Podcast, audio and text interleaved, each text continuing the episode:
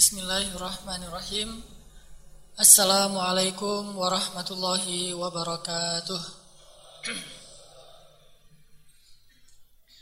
Alhamdulillahi rabbil alamin.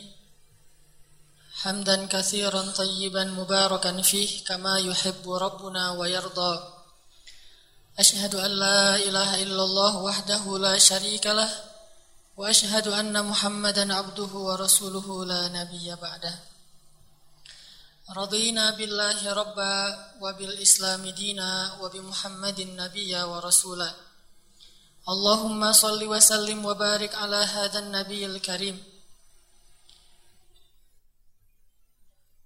اللهم صل وسلم وبارك عليه كما ذكره الذاكرون الأخيار.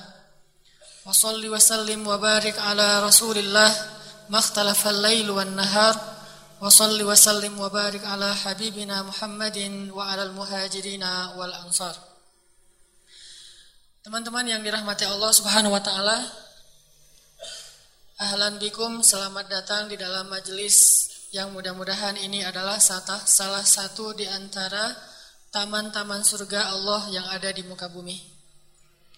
Sehingga siapapun yang istiqomah hadir di dalam taman surga Allah di muka bumi, maka Allah catatkan dia termasuk di antara yang Allah jaminkan untuk hadir di dalam taman-taman Allah di akhirat, taman-taman surga Allah di akhirat. Dan mudah-mudahan Allah Subhanahu wa taala malam ini menganugerahi kita iman dan hikmah sehingga dengan iman itu kita punya semangat untuk beramal dan dengan hikmah itu kita bisa menjadikan amal kita itu diridhoi Allah Subhanahu wa taala. Teman-teman, hari ini malam ini kita akan mengangkat tema brotherhood. Kalau dalam bahasa Arab itu disebut dengan mu'akhoh. Disebut dengan mu'akhoh atau ta'akhi. dalam bahasa Arab disebut dengan istilah mu'akhoh. Nanti kita akan coba renungkan kisah-kisah brotherhood atau mu'akhoh yang pernah dilakukan oleh Rasulullah Sallallahu Alaihi Wasallam di masa beliau. Bagaimana semangat muakhah atau semangat persaudaraan kaum muhajirin dan ansor, baik secara golongan maupun secara individu atau personal. Lalu kita akan coba hubungkan dengan kehidupan kita pada saat ini, baik dengan isu-isu keindonesiaan maupun dengan isu ke uh, di antara kaum muslimin di seluruh dunia seperti Palestina, Syam, Mesir, Turki, Myanmar dan seterusnya. Sebelum kita membahas tentang bab muakhah atau brotherhood, coba kita sama-sama membuka halakoh ini dengan bertilawah Al-Qur'an. Pertama kita akan baca firman Allah di dalam surat Al-Hujurat. Teman-teman bisa membuka Al-Quran, surat Al-Hujurat, surat 49, ayat 10. Surat Al-Hujurat, surat 49, ayat 10.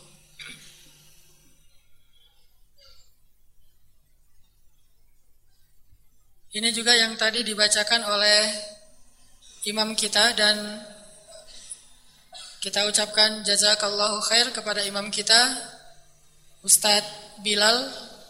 Itu adalah adik saya adik kandung saya dan beliau alhamdulillah sedang berada di Bandung.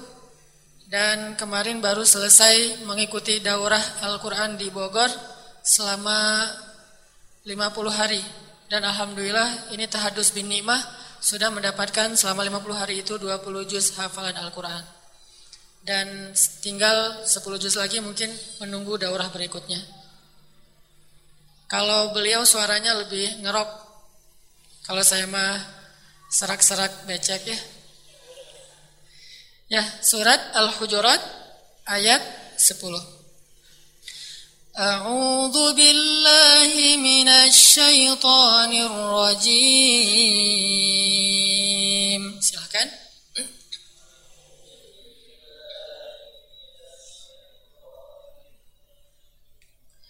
بسم الله الرحمن الرحيم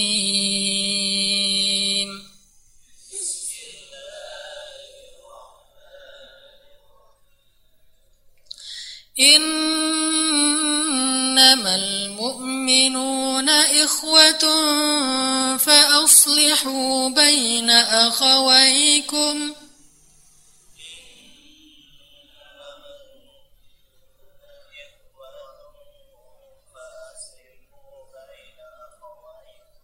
واتقوا الله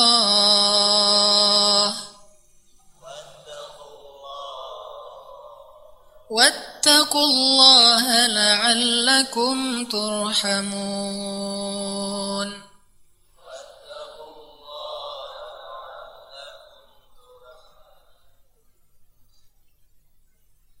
Sesungguhnya orang-orang yang beriman itu adalah bersaudara maka damaikanlah di antara saudara-saudara kalian dan bertakwalah kepada Allah supaya kalian mendapatkan rahmat.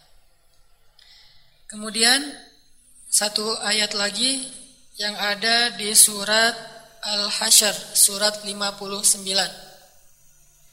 Surat Al-Hasyr, surat 59 ayat 9. Bismillahirrahmanirrahim.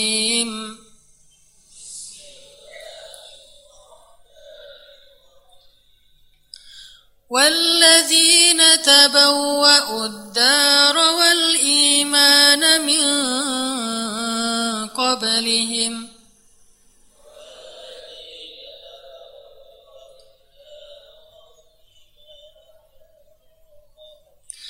يحبون من هاجر إليهم ولا يجدون في صدورهم حاجة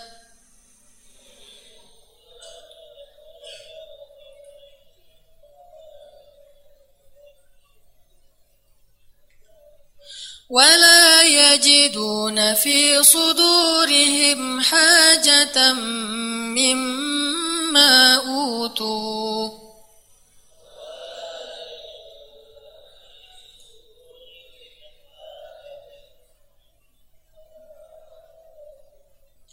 ويؤثرون على أنفسهم ولو كان بهم خصاصة.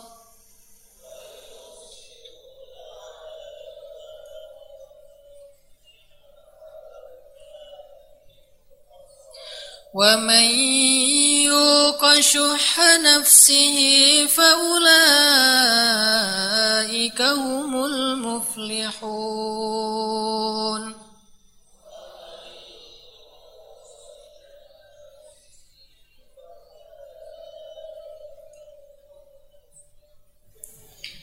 dan orang-orang yang telah menempati kota Madinah yaitu orang Ansor dan juga telah beriman sebelum kedatangan orang-orang Muhajirin.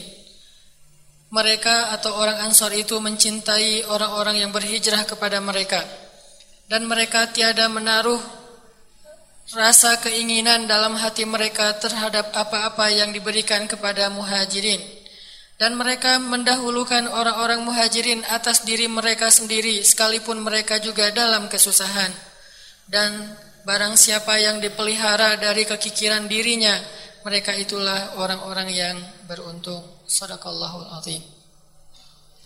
Teman-teman yang dirahmati Allah Subhanahu wa taala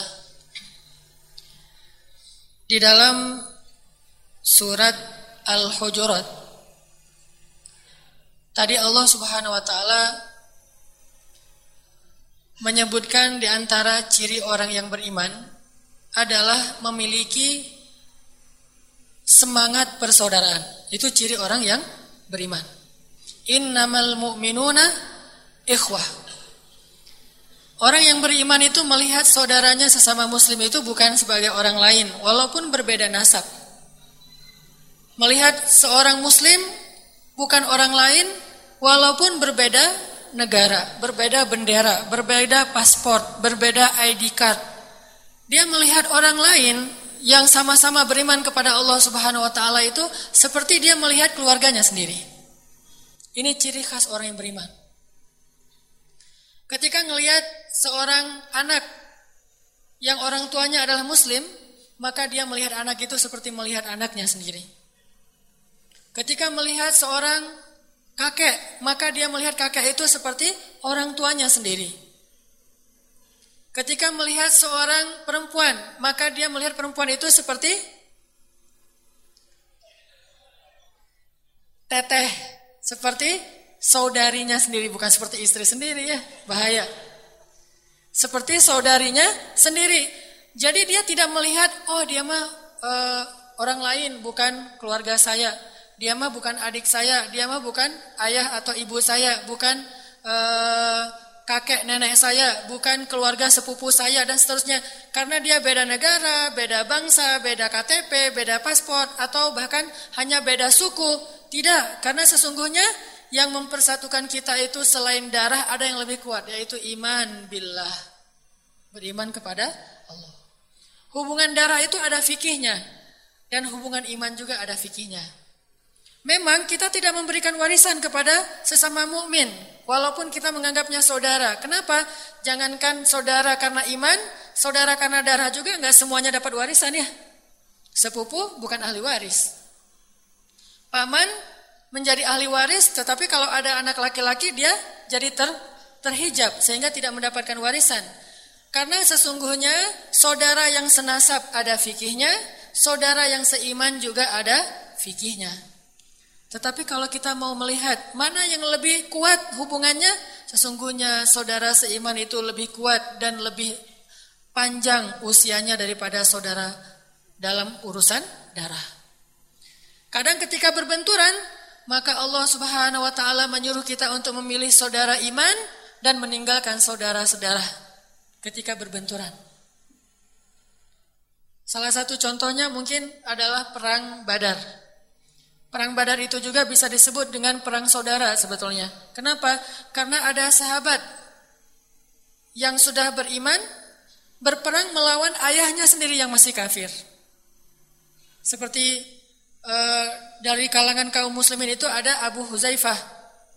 Dia berperang melawan ayahnya sendiri. Atau nanti dari kalangan ini sebutlah ada Abdullah melawan ayahnya sendiri Suhail maka dalam urusan hak dan batil, kadang hubungan darah itu bisa memutuskan seseorang walaupun ayah dan anak. Sehingga kekuatan atau saudara seiman itu kadang lebih kuat di sisi Allah Subhanahu wa taala daripada saudara da, darah.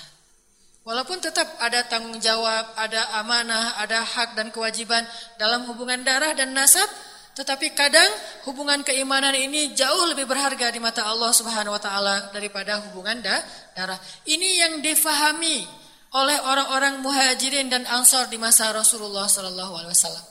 Sehingga ketika seseorang menjadi mukmin, maka saat itu juga dia menjadi saudara dari mukmin-mukmin yang lain. Dan hubungan persaudaraannya kadang lebih kuat daripada hubungan nasab dan darah. Innamal mu'minuna ikhwah. Sehingga kita memperlakukan saudara kita yang sesama mukmin seperti kita memperlakukan saudara kita yang seayah dan seibu. Semangatnya walaupun tanggung jawabnya beda, tetap aja kalau misalnya dalam sedekah atau zakat didahulukan dawil kurba, saudara yang senasab itu lebih dulu daripada saudara yang di luar nasab. Dalam zakat dan sodakah, zawil kurba, al akrob sumal akrob. Cuman semangatnya, semangat kita berakhlak, semangat kita perhatian, care, empati kepada sesama muslim, seperti semangat kita peduli kepada sesama saudara yang senasab atau saudara. Sehingga ketika kita berada di jalan, melihat orang lain itu, oh dia mah saudara saya. Sehingga kita akan menghormati dia seperti kita menghormati adik kakak kita. Kalau dia orang tua kita menghormati dia seperti kita menghormati ayah ibu kita. Kalau dia perempuan kita jaga dia seperti kita menjaga istri kita, menjaga anak perempuan kita, menjaga kakak adik perempuan kita. Karena dia adalah saudara kita. Semangat inilah yang disebut dengan semangat uhuwah atau dalam bahasa lain disebut muakhah, mempersaudarakan antara sesama kaum muslimin. Innamal mu'minuna ikhwah.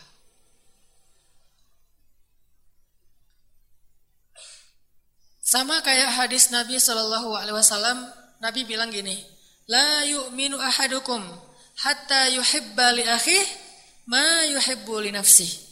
Tidak sempurna iman kalian sampai kalian mencintai saudaranya sebagaimana dia mencintai dirinya sendiri atau sampai kalian mencintai sesuatu untuk saudaranya sebagaimana dia mencintai sesuatu untuk dirinya sendiri. Artinya apa yang dia inginkan untuk dirinya itu juga yang dia inginkan untuk saudaranya. Apa yang dia sukai untuk dirinya itu juga yang dia sukai untuk saudaranya. Memperlakukan orang lain sebagaimana dia ingin diperlakukan. La yu'minu ahadukum. Tidak sempurna iman kalian sampai punya semangat ini. Punya semangat memperlakukan orang lain seperti kita memperlakukan diri kita sendiri. Contohnya, kita kalau misalnya ngelakuin kesalahan kepada seseorang, apakah kita berharap jika dia memaafkan kita? Sehingga nanti di akhirat kita tidak punya lagi tanggungan dengan dia, dengan dia? Tidak lagi punya hutang yang harus dibayar dengan dia? Apakah kita berharap jika kita punya salah, orang itu memaafkan kita? Ya, kalau begitu maka kita juga mencoba untuk memaafkan kesalahan orang lain seperti kita ingin dimaafkan kesalahan kita oleh orang lain. Kalau kita punya semangat ini, berarti kita sudah sempurna imannya. Tapi kalau kita selalu membuat pengecualian untuk orang lain, maka berarti iman kita belum sempurna. Giliran kepada diri kita, kita selalu punya excuse, kita punya reason, kita punya pembenaran. Tetapi untuk orang lain, kita berlaku kaku dan berlaku ketat idealis perfeksionis. Berarti kita termasuk orang yang belum sempurna imannya. Atau ketika kita memberikan sesuatu untuk orang lain, sebutlah hadiah atau sedekah. Gimana semangatnya? Berilah hadiah kepada seseorang dengan sesuatu yang kalau kita diberi kita akan senang. Beda dengan kalau kita ngasih hadiah karena kita nggak menginginkan itu. Misalnya kita dapat baju, bagi kita ah ini mah bukan baju tipe saya, saya juga nggak akan pakai baju kayak gini.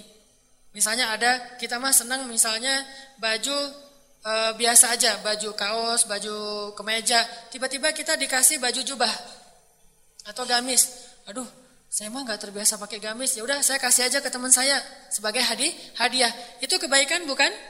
Kebaikan, tetapi tidak akan sampai sempurna sampai kita memberikan sesuatu yang kita sangat menginginkan.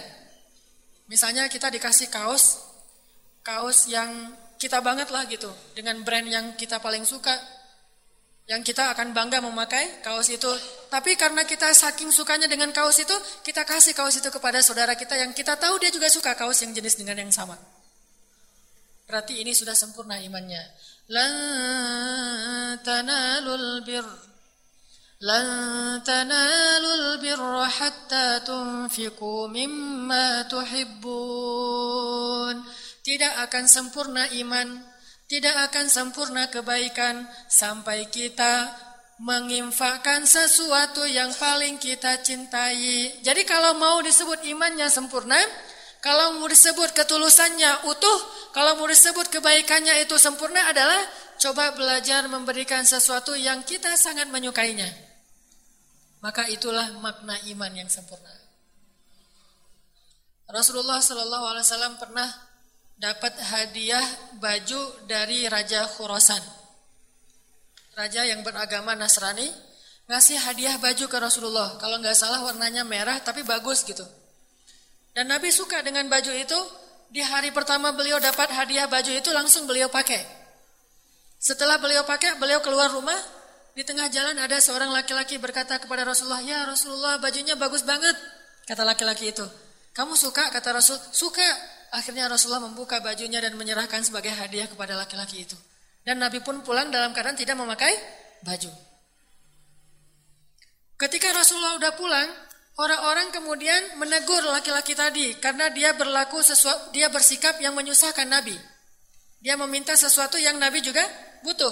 Akhirnya mereka bilang, "Ya fulan, Kenapa kamu menyusahkan Nabi dengan meminta baju yang beliau pakai? Kalau kamu meminta baju, mintalah dari kami, kami akan berikan banyak baju untuk kamu. Kenapa harus yang dipakai Nabi? Kata sahabat. Kata dia, sebetulnya saya bukan tertarik kepada bajunya. Tetapi saya tertarik karena baju ini dipakai oleh Rasulullah dan saya ingin memakai baju bekasnya Rasulullah Shallallahu Alaihi Wasallam. Dan ini sesuatu yang sangat logis. Malah yang nggak logis itu di zaman kita. Ada bekas baju dipakai oleh seorang pemain bola, udah berkeringat ya. Nggak mau dicuci, kenapa? Bekas keringatnya David Beckham. Bekas keringatnya misalnya Cristiano Ronaldo. Wah saya ini habis main sama Cristiano Ronaldo. Akhirnya setelah selesai main dia tukar jersey, dia tukar baju. Dan saya dapat baju dia. Tapi dia juga dapat baju saya. Cuma nggak tahu dipakai apa enggak gitu ya. Kalau baju kita mah, baju dia disimpan, dimuseumkan. Dan gak akan dicuci. Sehingga ketika orang datang ngelihat, dah kok bajunya agak-agak apek. Ya ini keringatnya Christian Ronaldo.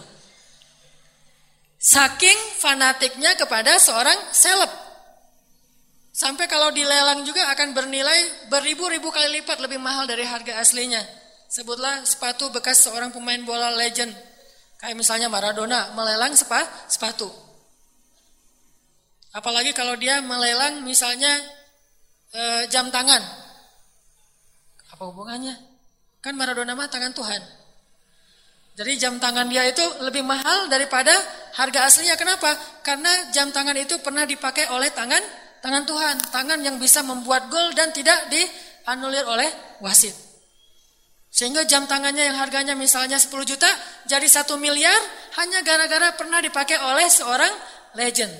Dan orang berlomba-lomba untuk mendapatkan jam tangan itu seharga apa pun.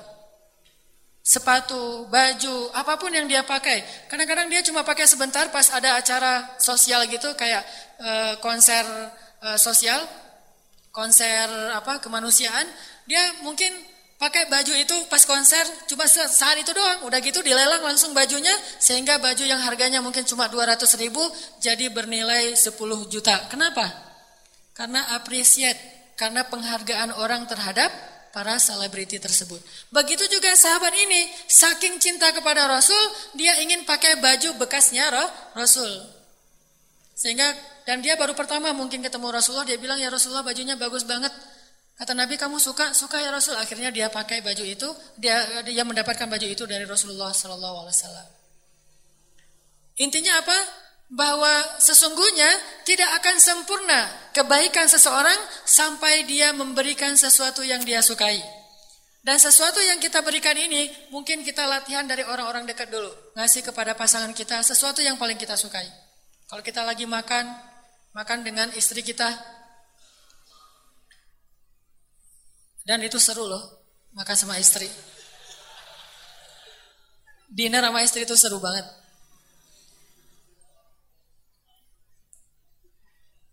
Ini yang buat saya selalu puas kalau ceramah di sini. Dinner dengan istri, udah gitu pesen. Kita ditanya, mau makan apa? Bib. Bib itu Habib. Habib itu bahasa Indonesianya Yayang. Kalau Ustadz kan manggilnya Bib. Kalau orang rakyat jelata, Yayang. Yang mau makan apa? Aku mah apa aja bisa asalkan kamu suka gitu. Kamu aja yang pesan, beneran nih kamu aku yang pesan, iya bener. Ya udah, pas datang tiba-tiba jengkol, ya. Ternyata pasangan kita tuh paling doyan makan jengkol. Nah kita mah belum pernah, saya mah paling gak suka makan jengkol, terasi, yang agak-agak, uh, ya kayak gitu. Nah akhirnya kita nahan, saya pernah tuh diundang makan dalam satu acara pakai cumi-cumi yang dikeringkan yang diasinin tuh. Kan itu makanan khas Sunda ya. Cumi-cumi diasinin dan saya memang gak suka seafood apalagi udah diasinin kayak gitu. Nah karena menghargai orang yang menyuguhkan akhirnya saya coba. Pas saya coba saya langsung maaf saya boleh ke toilet dulu gitu. Ternyata gak kuat. Karena baru makan satu cumi-cumi udah langsung hm, gimana nih? Langsung ke toilet dan saya selesaikan secara kekeluargaan. Jadi kalau kita makan dengan pasangan kita, ini ini etika makan dengan pasangan ya. E, sebut aja ini pengajian pranikah lah untuk jadi bahan. Kalau kita makan sama pasangan kita, jangan pesen duluan. Biarkan dia yang pesen. Kita tunggu sisanya aja. Wis, tunggu sisanya. Sisanya itu garpu sama sendok. Kamu aja yang pesan. Ah enggak, kamu aja. Kamu aja saya mah apa yang kamu pesan pasti saya akan makan.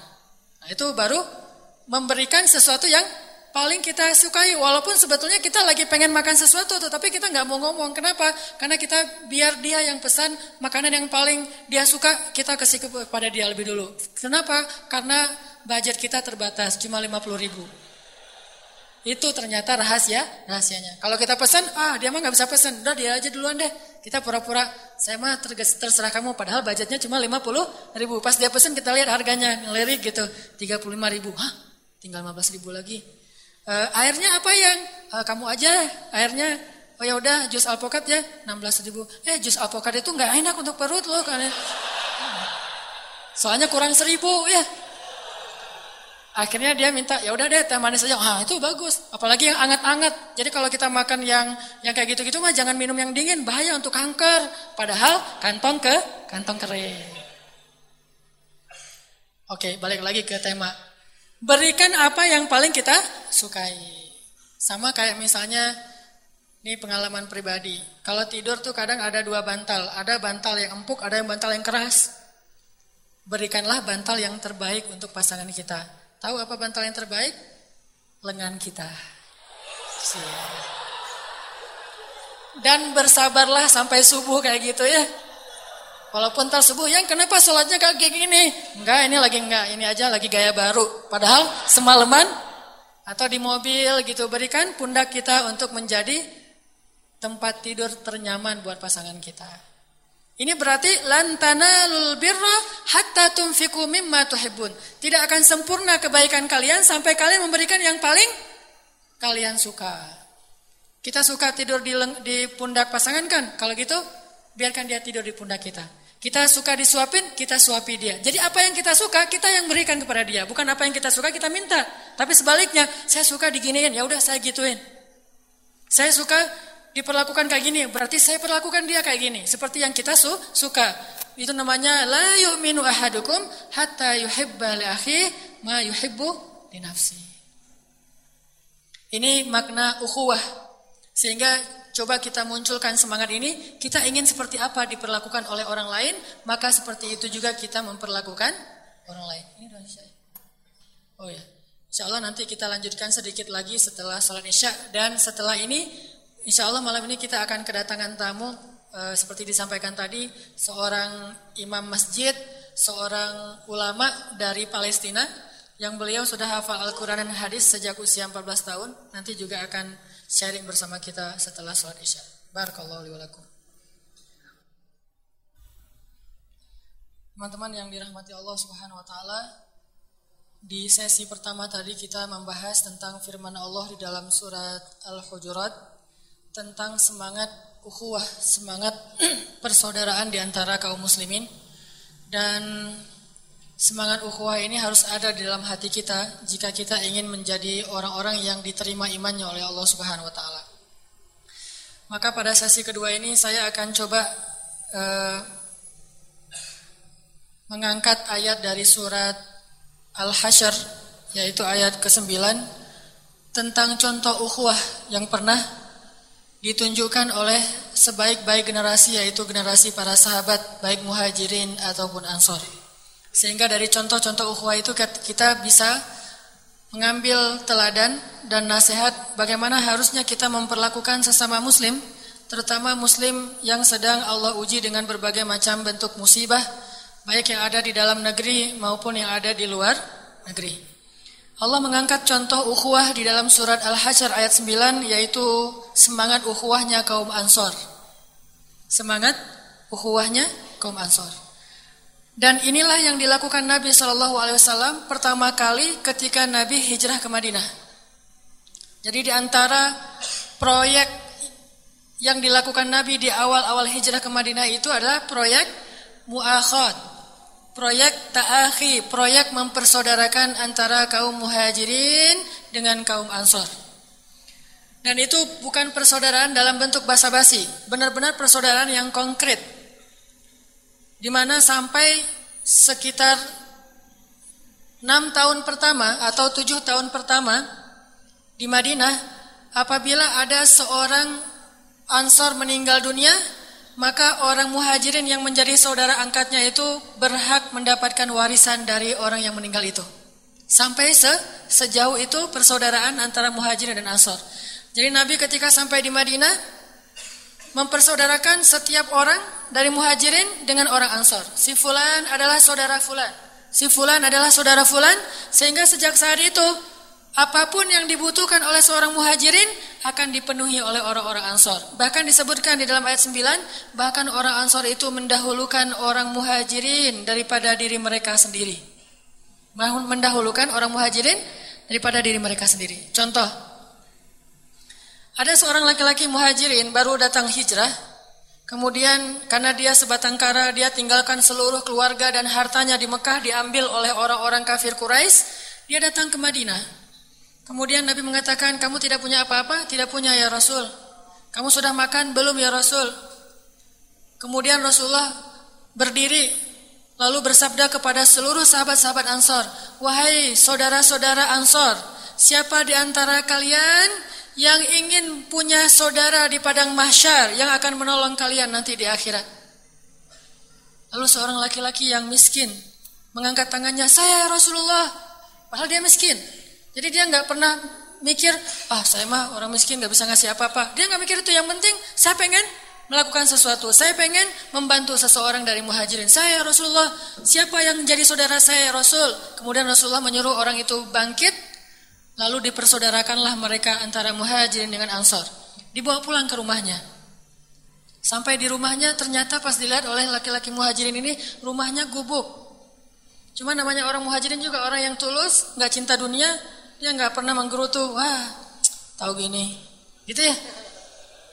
Kirain yang jadi saudara angkat saya mah punya Alphard gitu.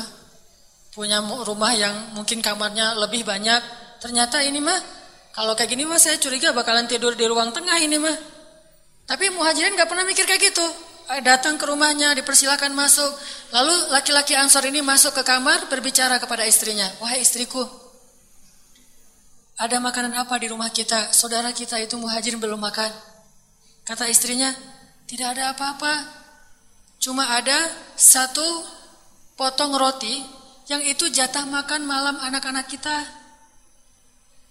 Dari tadi mereka udah nunggu-nunggu ayahnya pulang dan mau makan bareng-bareng. Satu potong roti doang tuh, saking miskinnya.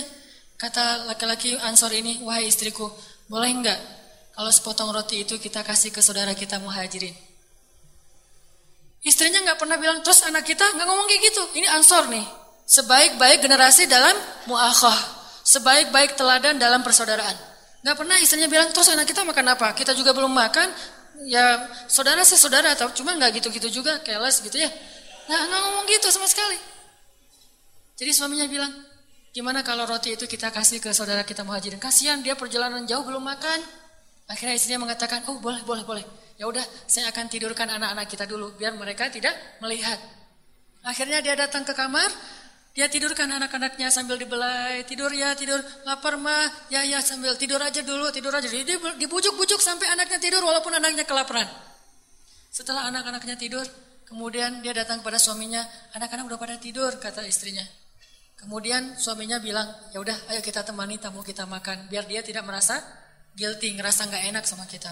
Datang membawa makanan sepotong roti yang ditutup setelah ditutup, eh, setelah dihidangkan sepotong roti yang ditutup itu di depan laki-laki Ansar dengan madu sedikit di sebelahnya, maka dia memadamkan lampu. Kenapa? Dia takut laki-laki muhajirin akan melihat ternyata cuma sepotong roti dan dia merasa tidak enak hati untuk memakannya. Sehingga dimatikanlah lampu. Kenapa dimatikan lampu? Kata muhajirin, gak apa-apa biar makannya nyaman. Udah mati lampu.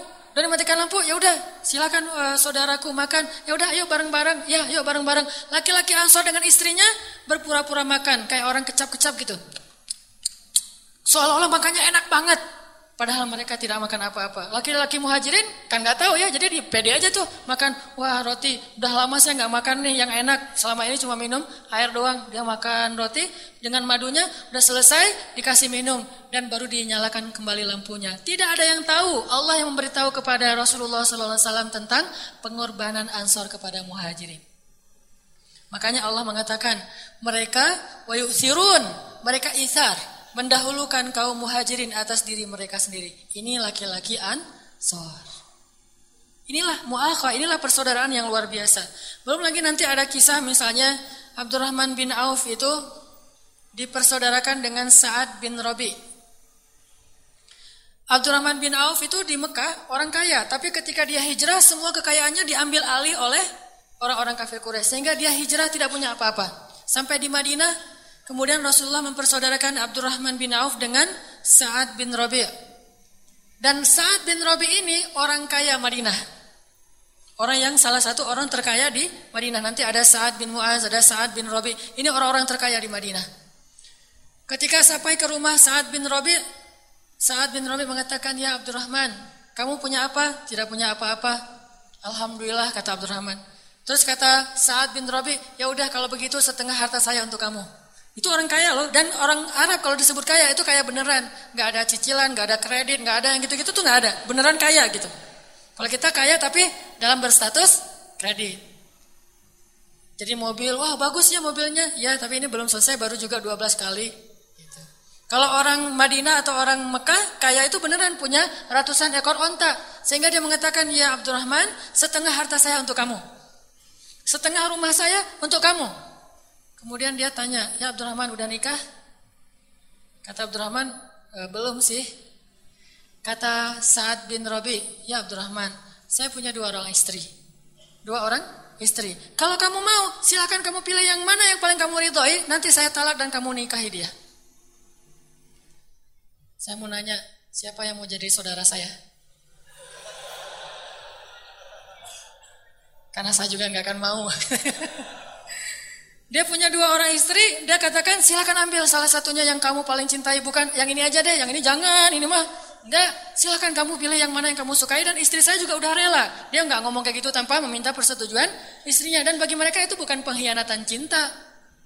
Kamu mau menceraikan saya demi dia? Enggak, enggak, yang kayak gitu-gitu mah enggak ada di zaman dulu. Sekarang aja udah mulai kayak gitu-gituan. Uh, akhirnya Abdurrahman mengatakan barakallahu fi amwalik wa ahlik.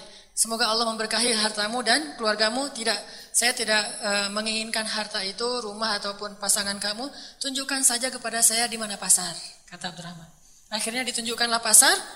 Abdurrahman pergi ke sana ke pasar, dia mulai berdagang dan Abdurrahman ini orang yang kalau kata Nabi, kalau dia datang ke pasar hanya membawa kerikil, dia pulang pasti membawa emas. Abdurrahman bin Auf entrepreneur sejati. Akhirnya Abdurrahman menjadi kaya raya dan kemudian menikah dengan orang-orang dengan orang an Ansor. Ini bukti bagaimana muakhahnya kaum Ansor terhadap muhajirin. Mereka mendahulukan muhajirin atas diri mereka sendiri. Bahkan ada orang Ansor bilang kepada Rasulullah, "Ya Rasulullah, setengah dari ladang kami, setengah dari kebun kami untuk muhajirin." Mereka menyerahkan setengah kebunnya untuk muhajirin. Kata Rasulullah, orang muhajirin itu nggak bisa berkebun.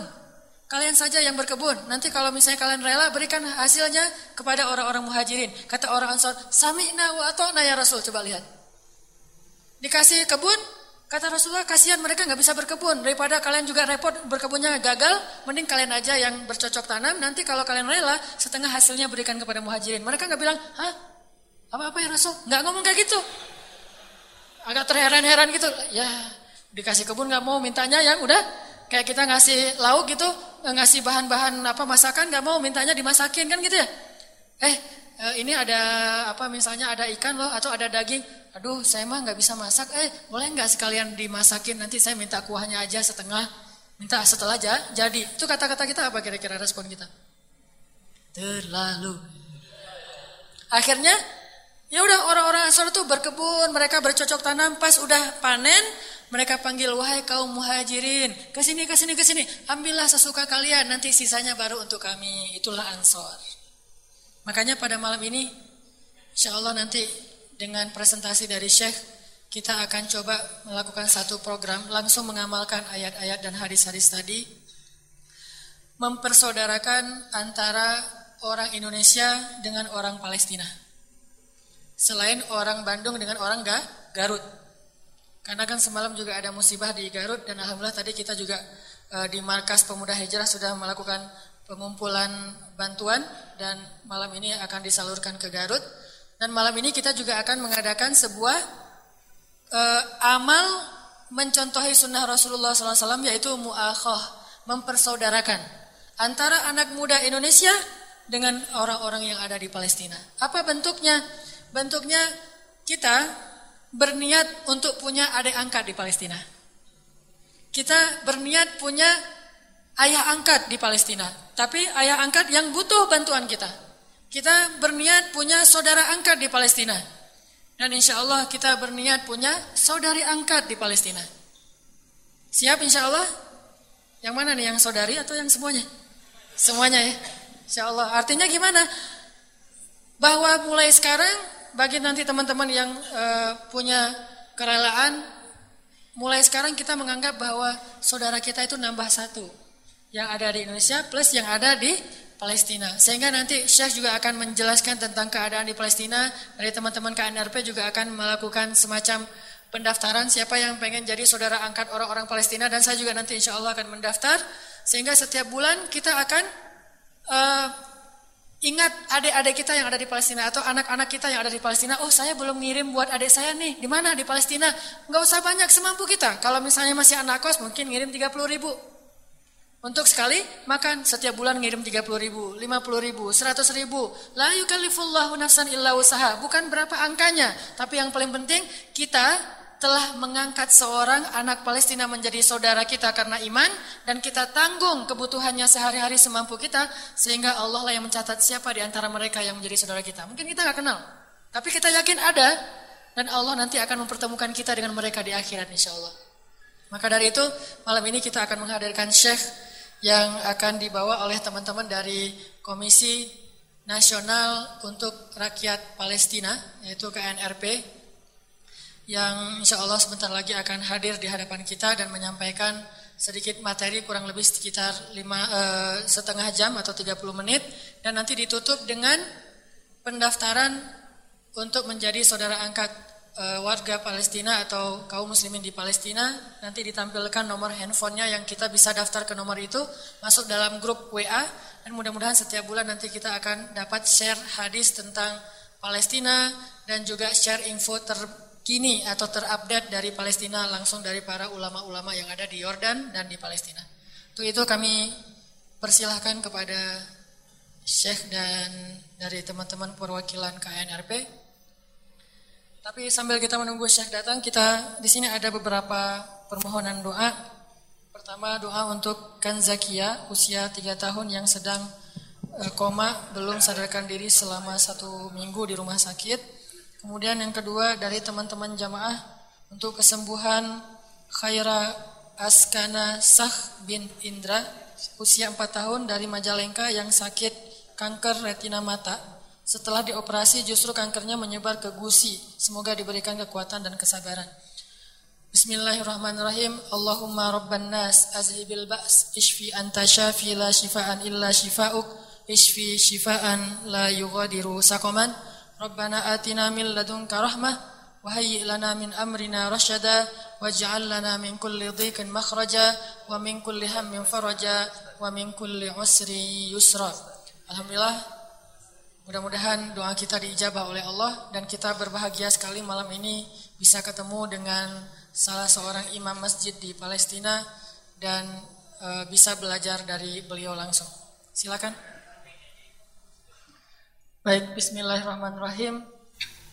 Alhamdulillahirabbil alamin nahmaduhu wa nasta'inuhu wa nastaghfiruh wa nashkuruh. Ahlan wa sahlan uh, bi Syekhina al-Karim eh, uh, Syekhu Palestin alladhi kunna na'rifuhum min ahli ar-ribat was-sabr wa ahli sumud insyaallah ونرحب بكم ونشكر الله بلقائكم ونسأل الله أن يرزق أهل فلسطين الحرية والاستقلال وأن يحرر masjidana Masjid Al-Aqsa Al-Mubarak min aidil Yahud wal ghasibin. Wa Syekhuna Al-Karim, nahnu syababu Indonesia بكل معاني الأخوة إن شاء الله. وهذا كلنا شباب بندung وبندung مدينة تعتبر في إندونيسيا مدينة الشباب ومدينة الإبداع. ونحن الآن الحمد لله في جماعة شباب الهجرة. و والحمد لله كل أسبوع هم يحضرون هذا هذه الحلقة. min sairil eh, min ay makan kanat wa hum insyaallah yata'allamuna an syari'atil Islam wa ulumil Quran fi kulli usbu' marrah yakni eh, fi lailatil arbi'a Alhamdulillah wa eh, nashkurukum ala hudurikum wa nastafid minkum kathir insyaallah wa tasharrafna bi hudurikum walhamdulillahirabbil alamin Tadi nggak perlu diterjemahin ya? Tadi saya memperkenalkan diri bahwa kita ini pemuda-pemuda Bandung, pemuda Islam dan Bandung itu adalah kota pemuda, kota kreatif dan orang-orang anak-anak muda di Bandung semuanya uh, semangat mendukung kemerdekaan Palestina dan insya Allah orang-orang Bandung juga akan berusaha mensyiarkan tentang hak-hak uh, saudara kita di Palestina di seluruh Indonesia insya Allah. Bismillahirrahmanirrahim. Assalamualaikum warahmatullahi wabarakatuh. Sebelum beliau menyampaikan uh, info terkini terkait kepalestinaan, uh, beliau bernama Syekh Mahmud Said Kamal Al-Khur. Beliau berasal dari jalur Gaza, Palestina, dan alhamdulillah dua bulan yang lalu bisa keluar dari jalur Gaza dengan pertolongan Allah Subhanahu wa taala dan beliau imam di Masjid Abdullah Azam di jalur Gaza dan di usia 14 tahun beliau sudah hafid Al-Qur'an. Dan insyaallah kita akan mendengarkan tentang informasi terkini tentang Palestina dan jalur Gaza ila fadilatis syekh fa alaihi falyatafaddal mashkuran wa ma'juran. Bismillahirrahmanirrahim. الحمد لله ثم الحمد لله ثم الحمد لله. اللهم لك الحمد والشكر. بداية السلام عليكم ورحمة الله وبركاته. أخوكم في الله محمود ابن الحاج سعيد كمال الخور من قطاع غزة من فلسطين. طبعا يا كرام أنا السعيد. أنا لست سعيدا. أنا السعيد بوجودي أمامكم أمام هذه الوجوه الطيبة الوجوه النيرة التي والله عندما تراها تعلم لو أن هذه في فلسطين لحررت فلسطين. عسى الله أن يوفقكم وعسى الله أن يجعل رفعتكم في دينكم وعسى الله أن يجعل رفعة بلدكم بكم. أيها الإخوة الكرام يا معشر الشباب Paham?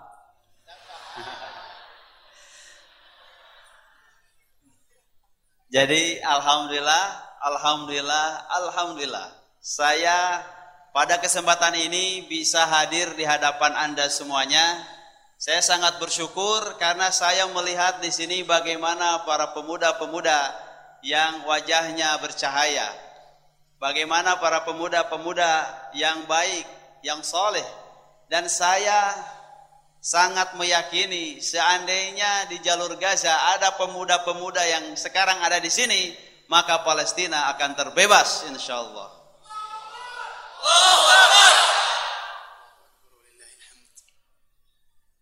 يا كرام نتحدث عن الأقصى ونختم بغزة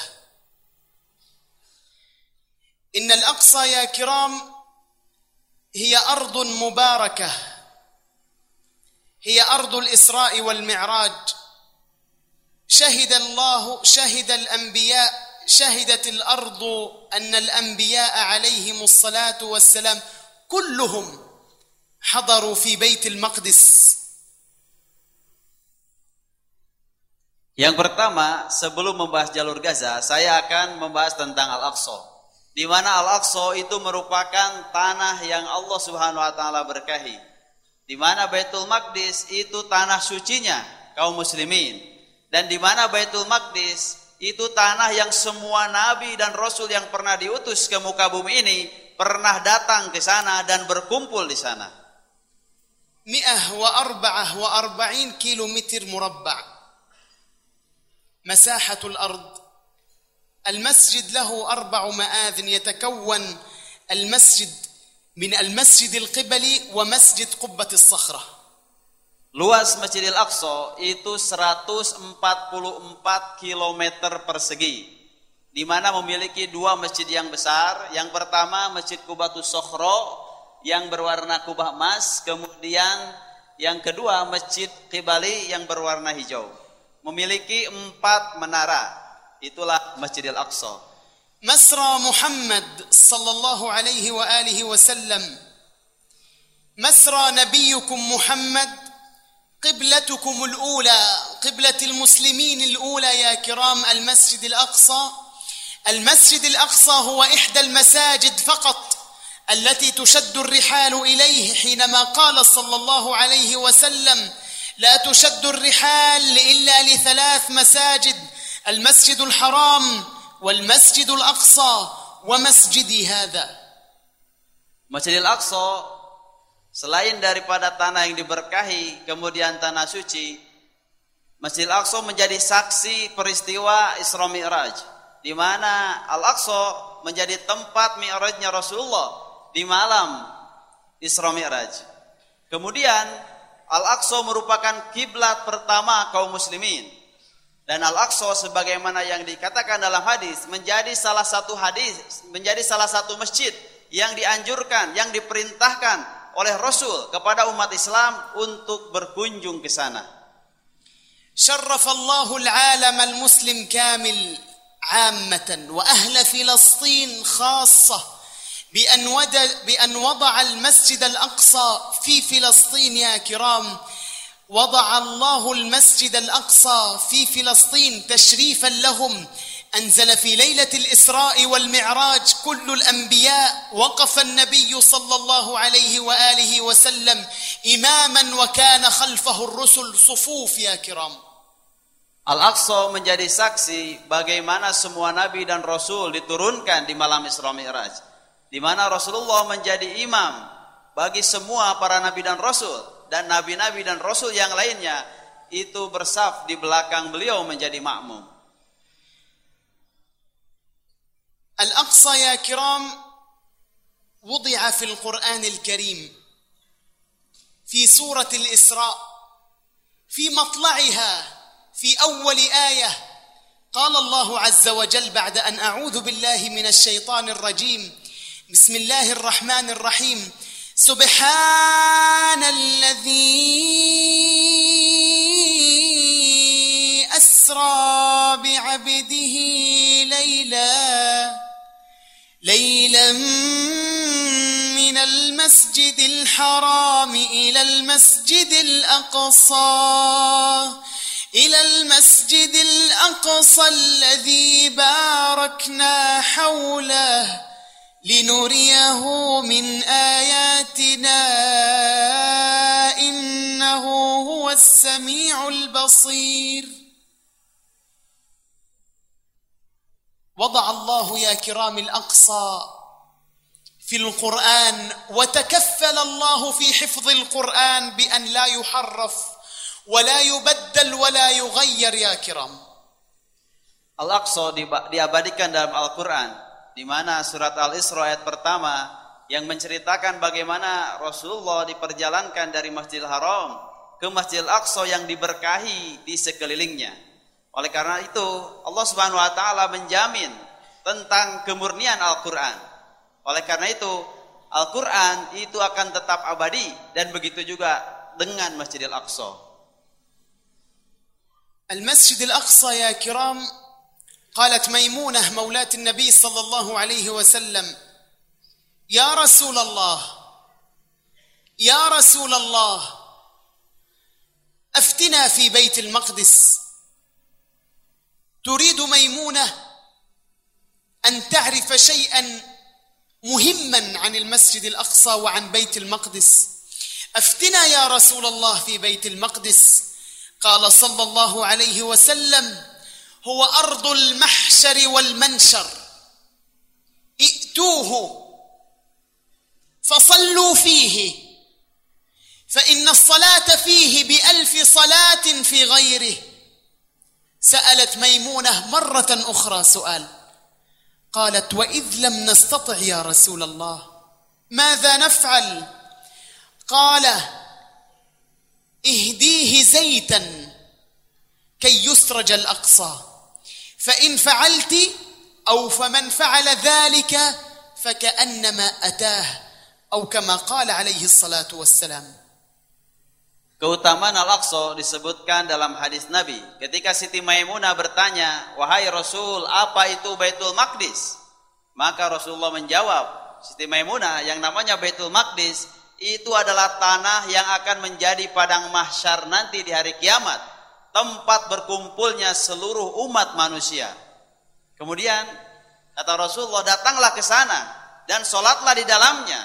Karena satu kali sholat di Masjid Aqsa itu sebanding dengan seribu kali lipat sholat di masjid yang lainnya. Kemudian Siti Maimunah bertanya, wahai Rasul, kalau aku tidak bisa pergi ke sana, apa yang harus aku lakukan? Maka Rasulullah menjawab, kirimlah minyak atau berinfaklah dengan minyak untuk menyalakan lentera lampu Masjidil Aqsa. Barang siapa yang berinfak untuk Masjidil Aqsa mendapatkan pahala datang ke sana dan sholat di dalamnya. فكل ما سمعتم يا كرام من مكرمه ومن شرف ومن عز ومن رفعه ومن كرامه وضعها الله للمسجد الاقصى فإن هناك عدو للمسلمين أجمعين اسمه اليهود يعمل على تدنيس المسجد الأقصى يا كرام يعمل على تهويد المسجد الأقصى يا كرام يعمل كل يوم جاهدا ويسعى جاهدا ومعه كل الدول الأوروبية إلى أن يوقعوا المسجد الأقصى وأن يضعوا مكانه هيكلهم المزعوم. هيكل سليمان عليه الصلاه والسلام كما يقولون هم Sebagaimana yang Anda ketahui bersama, bagaimana Al-Aqsa itu sangat mulia, bagaimana Al-Aqsa itu sangat diagungkan, dan bagaimana Al-Aqsa itu sangat dimuliakan. Tetapi sekarang bagaimana orang-orang Yahudi datang ke sana, kemudian merebut Masjid Al-Aqsa. Mereka menistakan Masjid Al-Aqsa.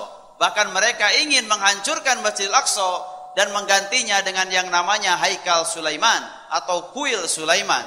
Bagaimana mereka dimobilisasi oleh negara-negara Eropa untuk datang ke Palestina untuk merealisasikan cita-cita mereka. اعتقالات يوميا يا كرام اسرائيل تعمل يوميا على اعتقال الشباب الناشط الذي يحب الاقصى ويحب ان يذهب اليها يوميا هناك اعتقالات من الجانب الاسرائيلي تعتقل الشباب وتضعهم في السجون يا كرام لانهم يريدون الحريه لا شيء غير الحريه Bagaimana sekarang orang-orang Israel itu menangkap orang-orang Palestina, terutama pemuda-pemuda.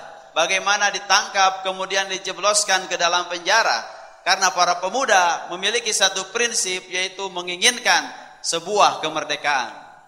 ليس لأهل فلسطين فحسب يا كرام إن قبل يومين شابا اسمه عامر من الأردن أمنية حياته أن يرى القدس أمنية حياته أن يذهب إلى المسجد الأقصى كي يصلي فيه وفعله بعد تنسيق طويل بينه وبين العدو الإسرائيلي كي يصل إلى المسجد الأقصى ووصل الشاب إلى المسجد الأقصى والكارثة أنها كانت الزيارة الأولى والأخيرة له بعدما وصل وصلى في الأقصى قتله الاحتلال الإسرائيلي بذريعة أنهم يشكون أنه سيحاول أن يفعل فعلة أو عملية أو عملية طعن يا كرام.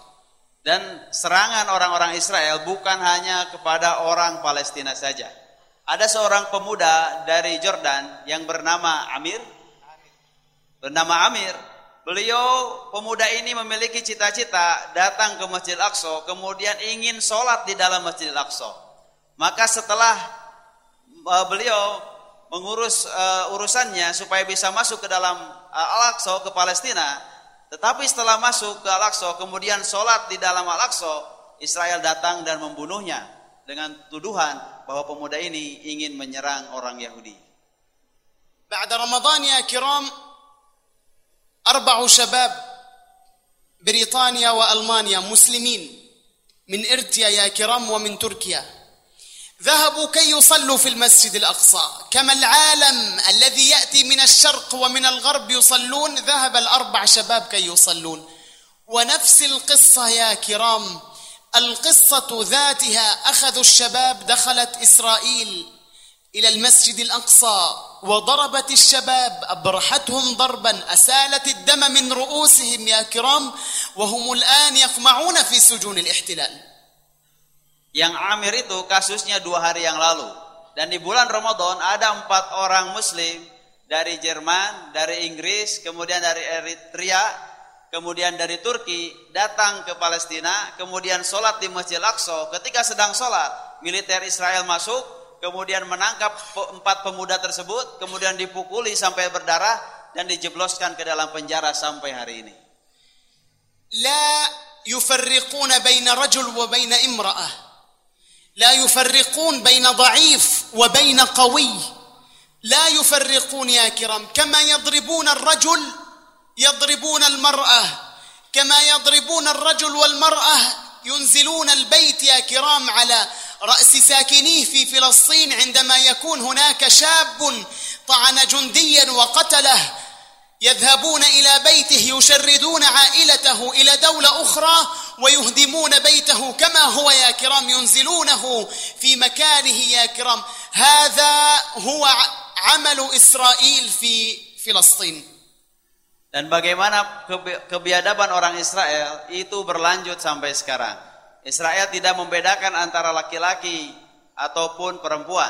Israel tidak membedakan antara anak-anak ataupun orang dewasa dan tidak membedakan antara orang yang lemah dengan orang yang kuat. Bagaimana mereka senantiasa menyerang kaum muslimin. Bahkan ada kasus ketika orang eh, Palestina, anak kecil, dia membawa pisau kemudian menyerang serdadu Israel, maka seluruh keluarganya itu diusir dari Palestina dan rumahnya dihancurkan dan e, semua keluarganya sampai sekarang tidak diperbolehkan masuk ke tanah airnya. اليهود يا كرام كل يوم كل يوم هذا جدول هذا برنامج لليهود كل يوم.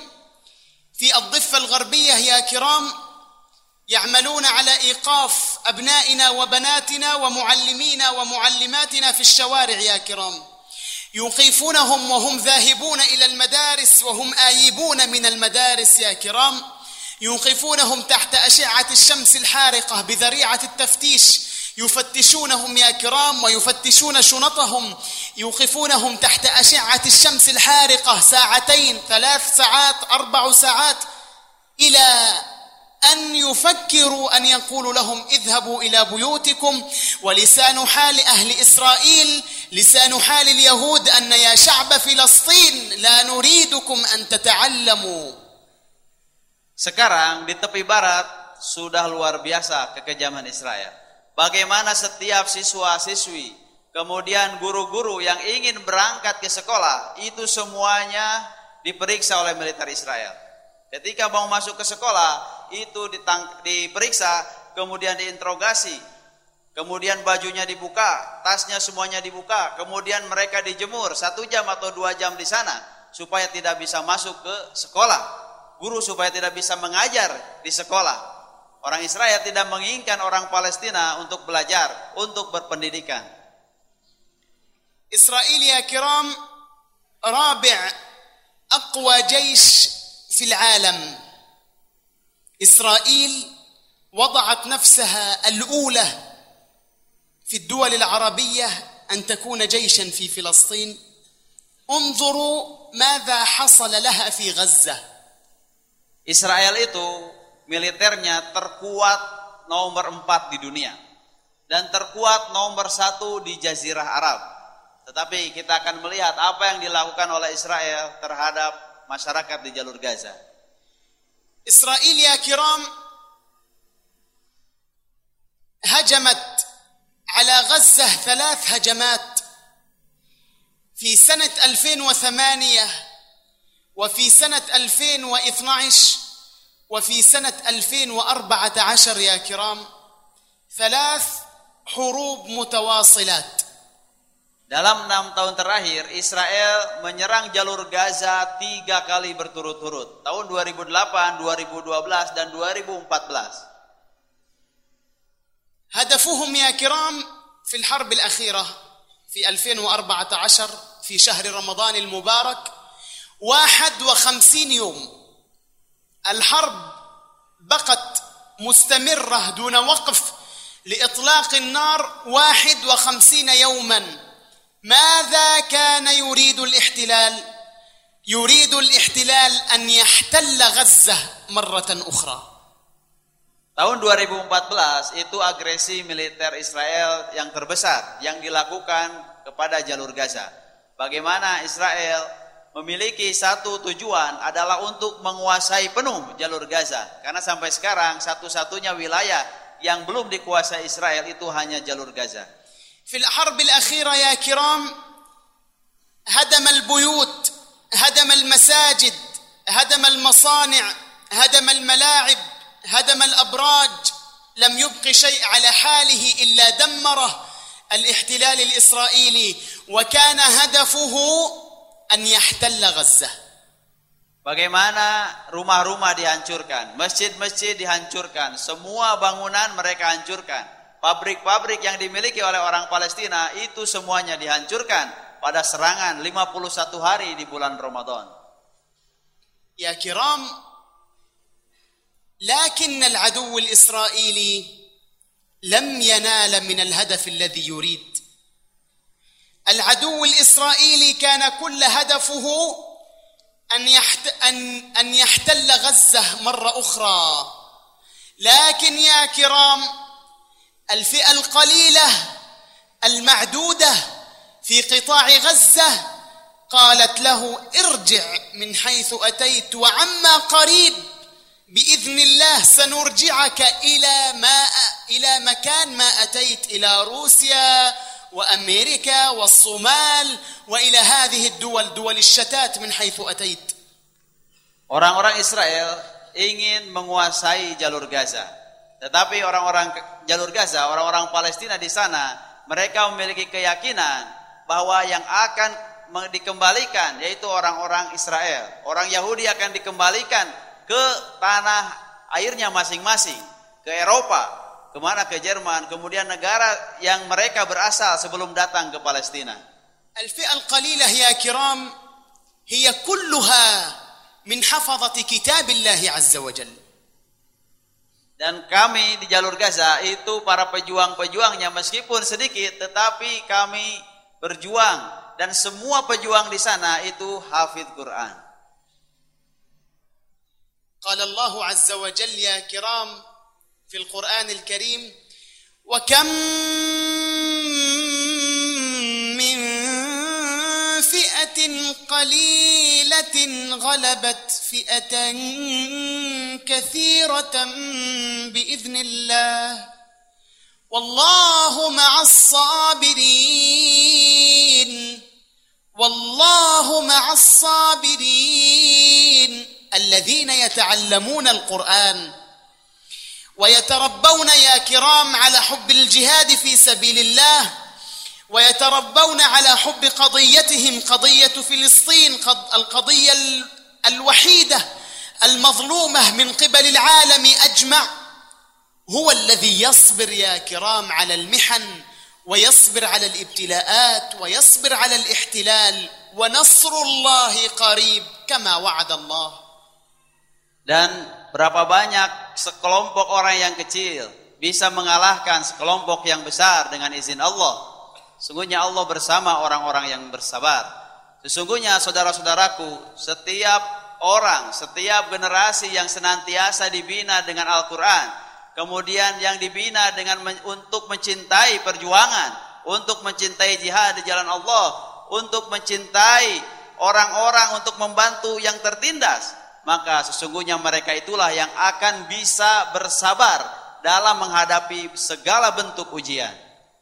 إلى الآن يا كرام نحن على أعتاب سنة 2017 لم يعترف أحد ولم يدخل لنا أحد يا كرام إلى الآن لأن المعبر المصري والإسرائيلي مغلقين على أهل غزة إلى الآن البيوت المدمرة مدمرة والمساجد المقصوفة مقصوفة والمصانع كما هي يا كرام كله على حاله لا شيء يعمر عندنا في غزة إلى الآن Dari 2014 setelah Israel menyerang jalur Gaza, maka sampai sekarang tidak ada seorang pun yang bisa masuk ke jalur Gaza dan tidak ada bantuan yang bisa masuk ke dalam jalur Gaza, terutama untuk membangun pembangunan infrastruktur di sana. Sampai sekarang semua rumah yang hancur atau bangunan-bangunan yang hancur, kemudian pabrik-pabrik yang dihancurkan, sampai sekarang masih tetap seperti itu puing-puing berserakan dan tidak bisa dibangun.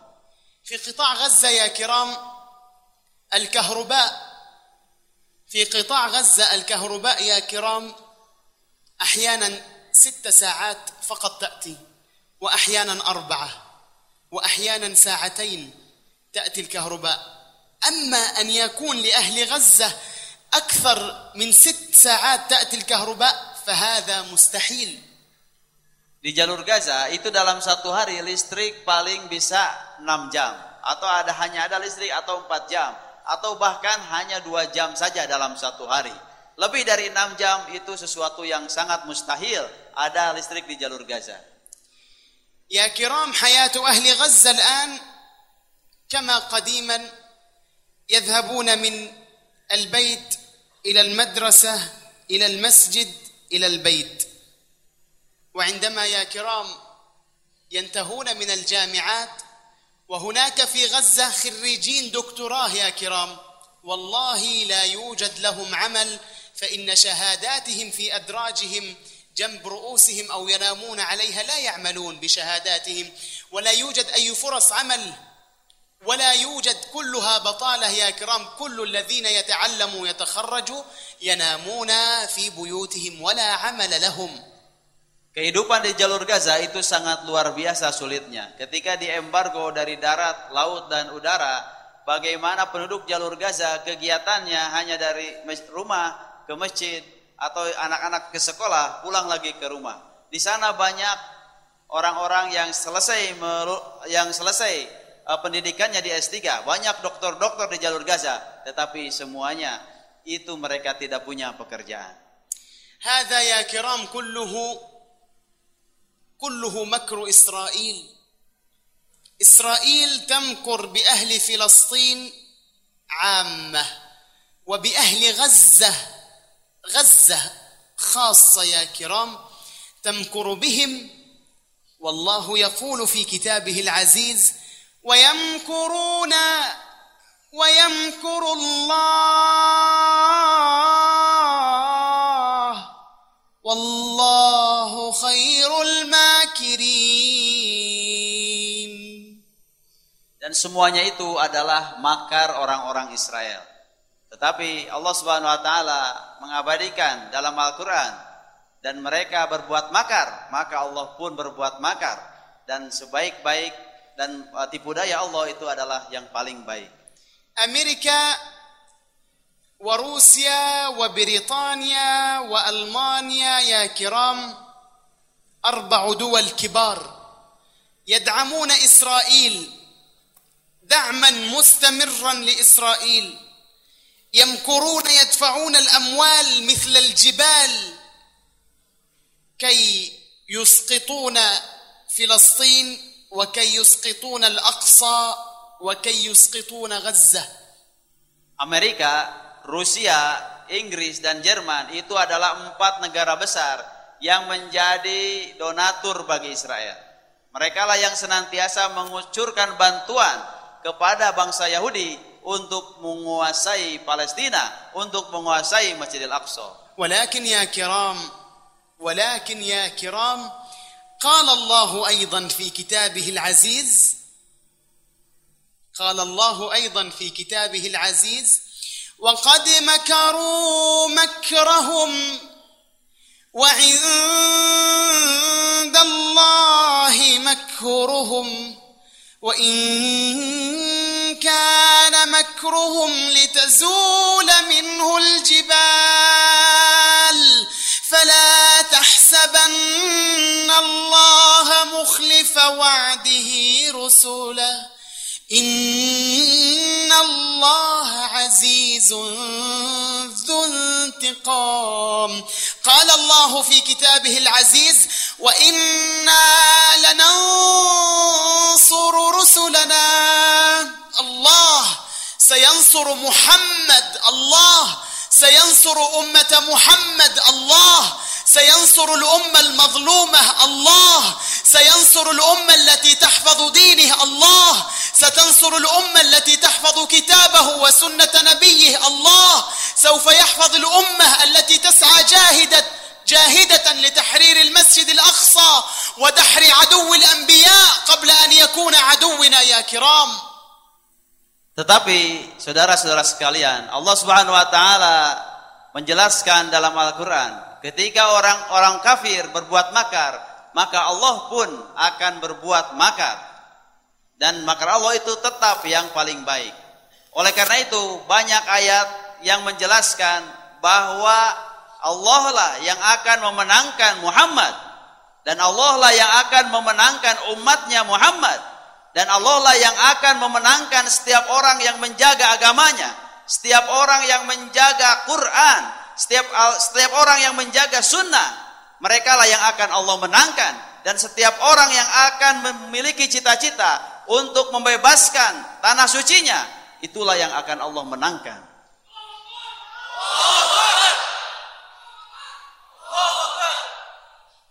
Ya kiram اثنين مليون شخص في غزة وهي لا تسع لمليون منهم يا كرام مئة ألف حافظ لكتاب الله عز وجل. من أجل ذلك الله يقف مع أهل غزة.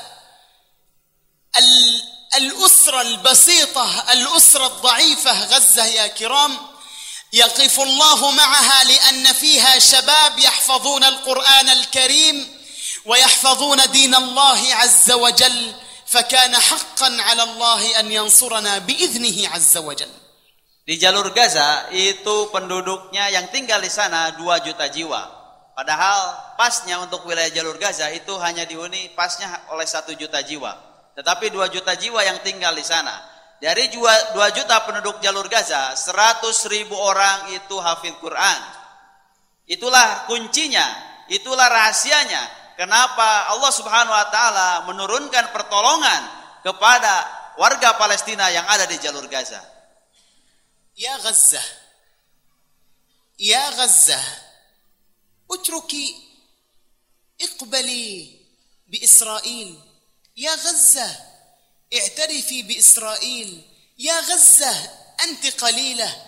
يا غزة أنت ضعيفة. يا غزة أنت بسيطة. يا غزة اعترفي بإسرائيل وسيأتيك الخير من كل بقاع الأرض. يا غزة فقط اركعي. يا غزة فقط اخضعي وتقول غزة لا لا أركع إلا لله عز وجل Israel itu yang diinginkan oleh Israel. Dia berkata kepada penduduk jalur Gaza, "Wahai Gaza, menyerahlah.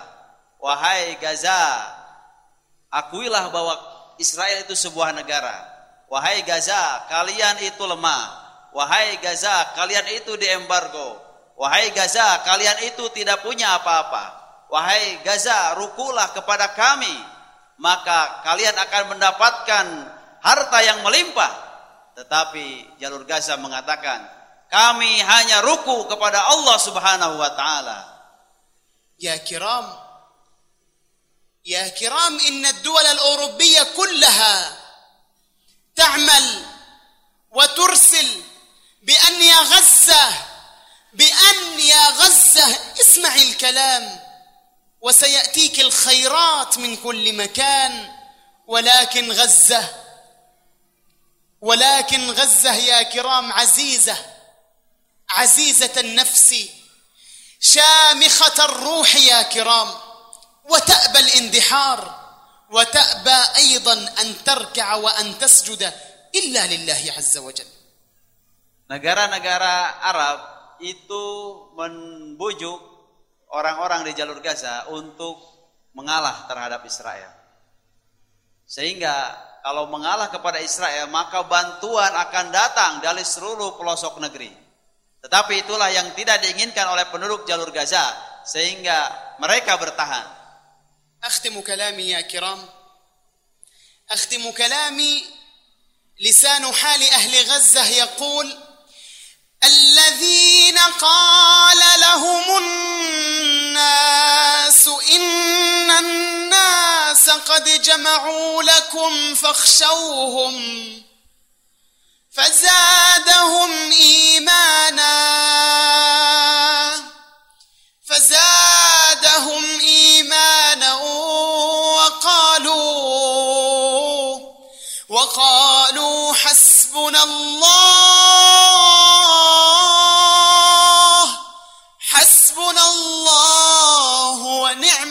wakil.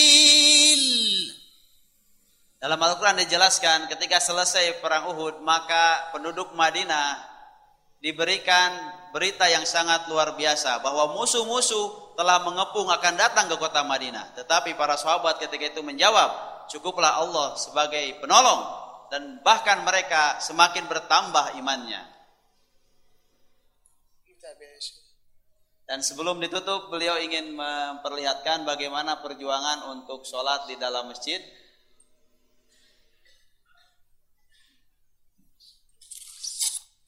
Dan ini yang harus senantiasa kita eh, ketahui bersama.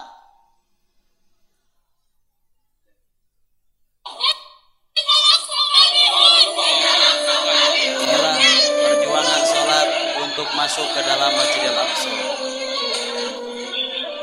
Bagaimana saudara-saudara di Palestina mereka harus berjuang untuk bisa masuk ke dalam masjid hanya untuk sholat berjamaah di sana.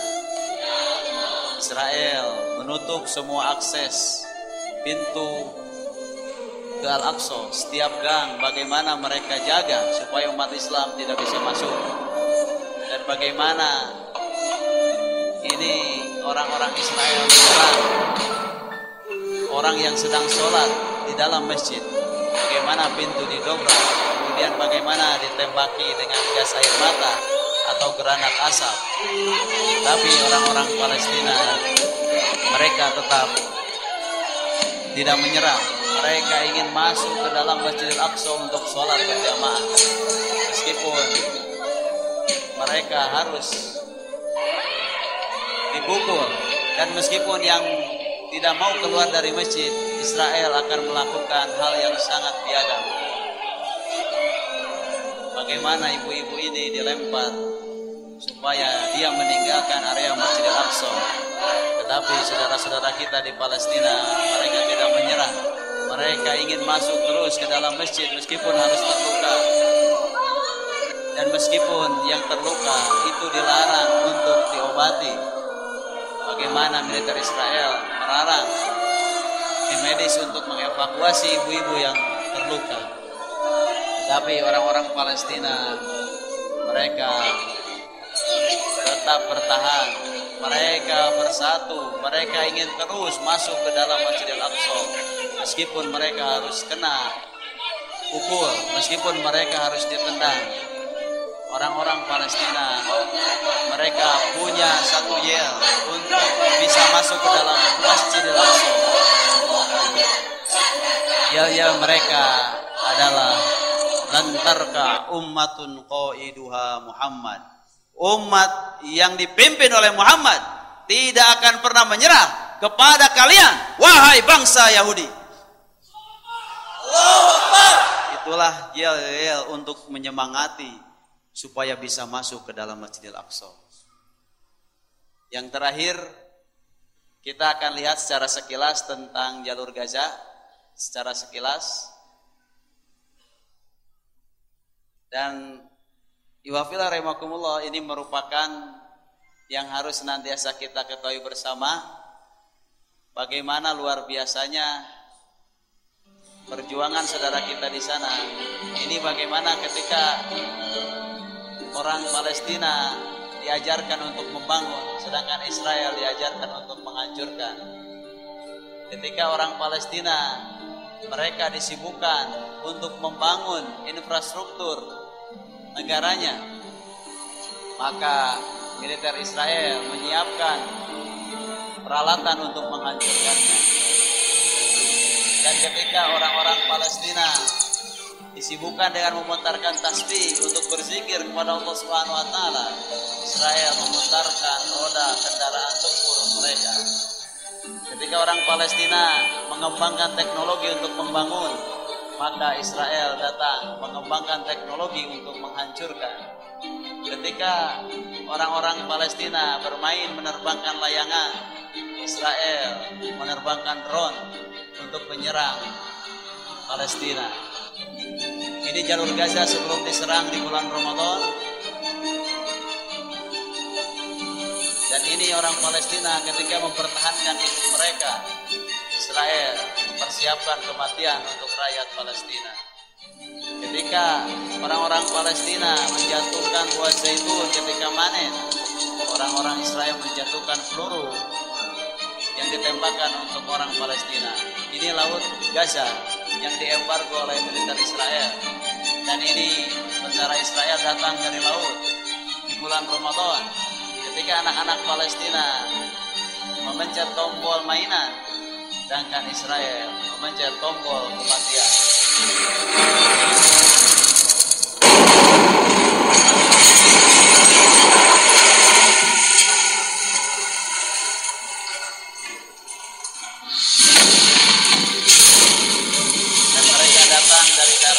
Laut, dan udara.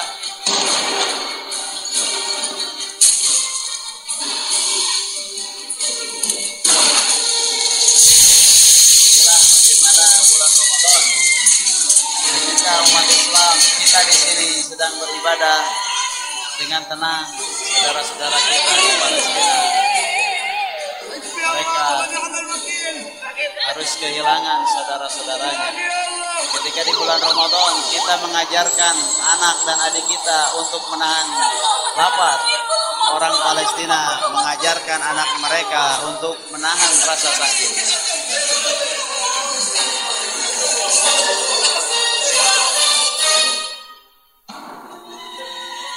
Itulah saudara-saudaraku sekalian, semua dunia terdiam, maka kita selaku umat manusia kaum muslimin harus senantiasa bersama mereka.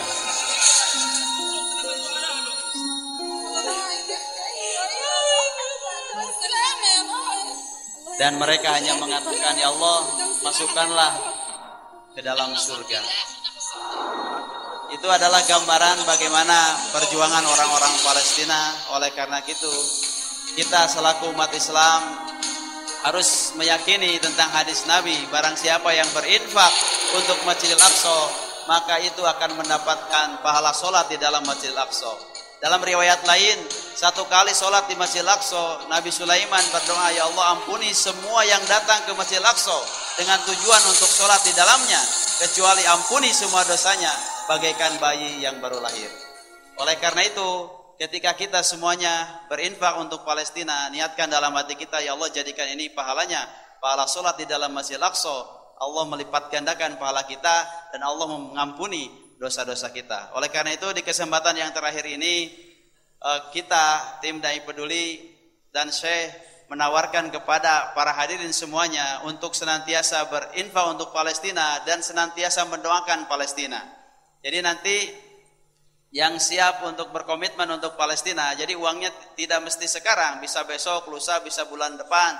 Atau bisa dalam 10 bulan ini kita berinfak untuk Palestina. Dan itu adalah niatkan dalam hati kita ya Allah jadikan ini pahalanya pahala solat di dalam Masjidil Aqsa. Nanti yang siap berkomitmen untuk Palestina misalkan satu bulan. Dalam 10 bulan ini misalkan satu bulan itu 2 juta atau satu per bulan satu juta setengah atau per bulan satu juta atau per bulan 700 kita niatkan dalam hati ya Allah jadikan ini pahalanya pahala fisabilillah insyaallah.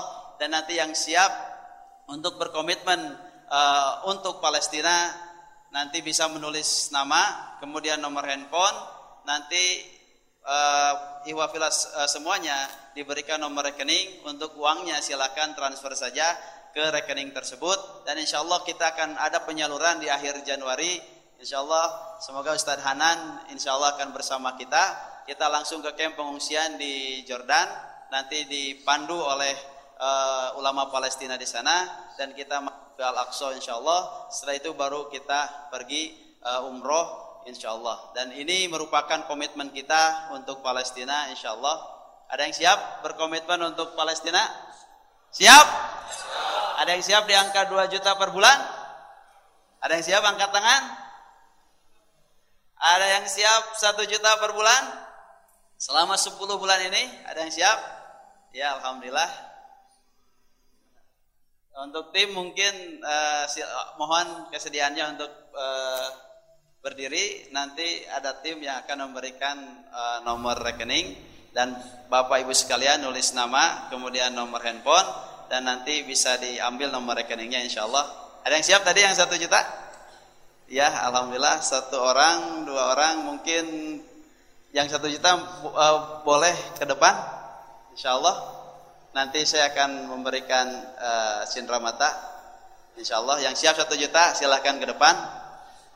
Yang tadi bapak mungkin dimohon kesediaannya untuk ke depan untuk mempermudah dari panitia, insya Allah dan ini merupakan uh, perjuangan kita, niatkan dalam hati kita ya Allah jadikan ini pahalanya adalah pahala sholat di dalam Masjid Al-Aqsa. Hanya empat negara yang sampai sekarang konsen terhadap Palestina itu adalah uh, Indonesia, Malaysia, Qatar dan Turki.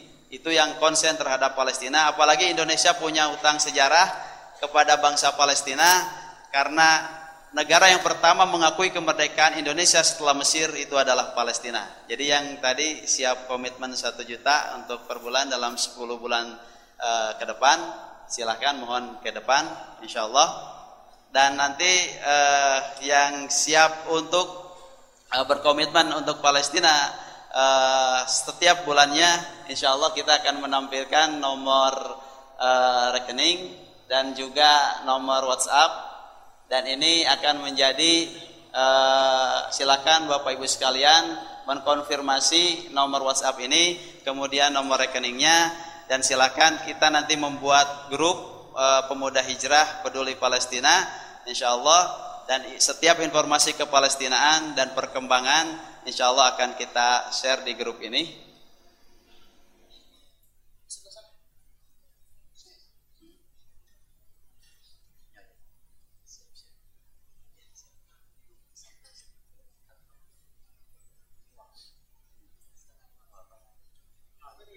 Ya.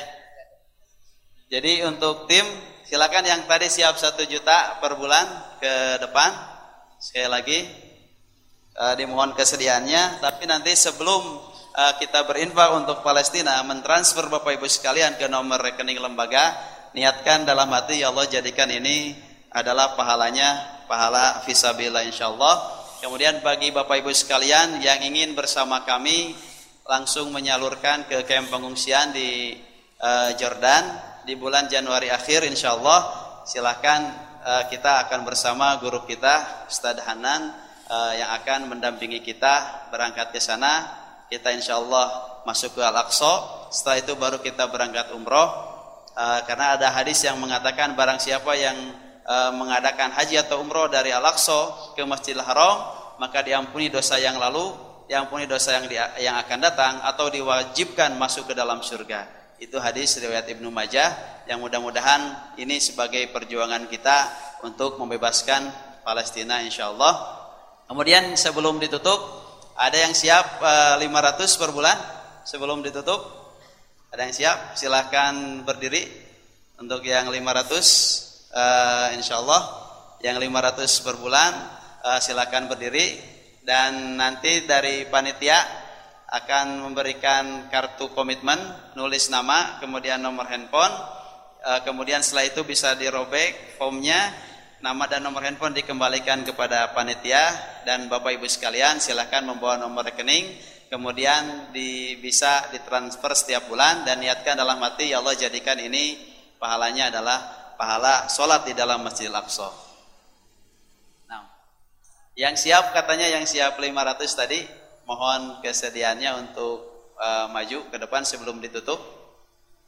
Silahkan yang siap uh, eh, 500 per bulan tadi mohon kesediaannya untuk ke depan. Yang sub di depan uh, boleh agak mundur ke belakang. Uh, silakan. Sekali lagi bagi uh, ihwafilah yang siap berkomitmen 500 per bulan uh, silakan untuk ke depan sebelum ditutup dan bagi kita semuanya yang senantiasa ingin berkontribusi untuk uh, Palestina dan untuk Al-Aqsa silahkan dicatat nomor uh, telepon dari ofisial kami dari Forum Dai Peduli. Kemudian silakan uh, dicatat nomor rekeningnya. Nanti Bapak Ibu sekalian akan dimasukkan ke dalam grup uh, Forum Dai Peduli dan mengkonfirmasi ke nomor tersebut. Jadi diminta tolong saya masukkan ke uh, grup, tolong saya masukkan ke grup. Dan insya Allah setiap perkembangan kita akan berikan. Dan Alhamdulillah di bulan uh, Idul Adha di bulan eh, di hari Idul Adha kemarin kita bersama lembaga-lembaga LSM kemanusiaan eh, sudah berangkat ke Jordan Selatan ke kamp pengungsian di sana. Kita di sana menyalurkan bantuan eh, kurban sapi kemudian kambing. Alhamdulillah seluruh Indonesia lebih dari 800 sapi yang kita kirim ke kamp pengungsian. Alhamdulillah. Dan ya, bagi yang lain Ustaz Andre Mungkin tambahan sedikit buat teman-teman semuanya. E, kalau ternyata mungkin dari e, kemampuan kita kurang dari 500 ribu, walaupun cuma 30 ribu sebulan, 50 ribu sebulan, berapapun, yang penting kita ada niat untuk punya saudara angkat di Palestina, silakan mencatat nomor yang ada di layar. Berapapun dan niatkan saja dulu. Mudah-mudahan nanti Allah kasih rezeki. Oh saya mau mengirim setiap bulan mungkin cuma 50 ribu. Ustaz apakah boleh masuk grup? Silakan. Karena kita tidak melihat angka berapa tapi bebas mudah-mudahan dengan kita masukkan nama kita ke dalam grup WA ini insya Allah Allah akan mencatat nama kita di antara ahli surga insya Allah jadi silakan teman-teman yang mungkin komitmennya tidak sampai 500 ribu di bawahnya tidak masalah silakan mencatat nomor WA walaupun tidak perlu maju ke depan dan insya Allah akan dimasukkan ke dalam grup WhatsApp insya Allah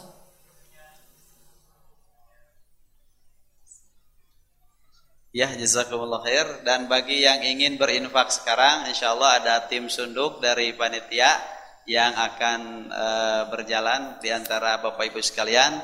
Silakan yang ingin berinfak sekarang memasukkan e, infaknya ke dalam sunduk atau sorban atau kantong infak. Tapi sebelum infak, niatkan dalam hati, Ya Allah jadikan ini pahalanya pahala sholat di dalam Masjidil Aqsa. Insya Allah. Dan yang bagi ingin uh, bersama-sama ke camp di bulan Januari akhir, uh, insya Allah kita akan bersama uh, guru kita Ustaz Hanan untuk berangkat ke sana. Dan alhamdulillah para ulama internasional sudah menargetkan tahun 2023 itu Al-Aqsa sudah terbebas insya Allah dan mudah-mudahan dengan ini kita memiliki kontribusi dalam terbebasnya Masjid Al-Aqsa di tahun 2023 insya Allah itu menjadi target bersama para ulama di dunia dan setiap negara menjadi target kemerdekaan untuk Palestina itu tahun 2023 itu target yang eh, sekarang ingin dicapai oleh karena itu kita tidak eh, heran kalau banyak para syekh dari Palestina yang datang ke kita insya Allah Baik teman-teman sebelum bubar mohon uh, bersabar sejenak kita tutup dengan berdoa bersama-sama terutama untuk saudara-saudara kita yang ada di Palestina. Mohon bersabar sejenak kita tutup dengan muhasabah dan doa sebagaimana biasanya. A'udzu billahi minasy syaithanir rajim. Bismillahirrahmanirrahim. الحمد لله رب العالمين حمدا يوافي نعمه ويكافئ مزيده يا ربنا لك الحمد كما ينبغي لجلال وجهك الكريم وعظيم سلطانك اللهم اغفر لنا ولوالدينا وارحمهما كما ربيانا صغارا. اللهم اغفر لنا وللمسلمين. اللهم انصر الإسلام والمسلمين. اللهم انصر إخواننا المسلمين في فلسطين. اللهم انصر إخواننا المسلمين في غزة. اللهم انصر إخواننا المسلمين في فلسطين. اللهم إنا نسألك أن تحرر المسجد الأقصى أن تحرر المسجد الأقصى المبارك من أيدي اليهود. يا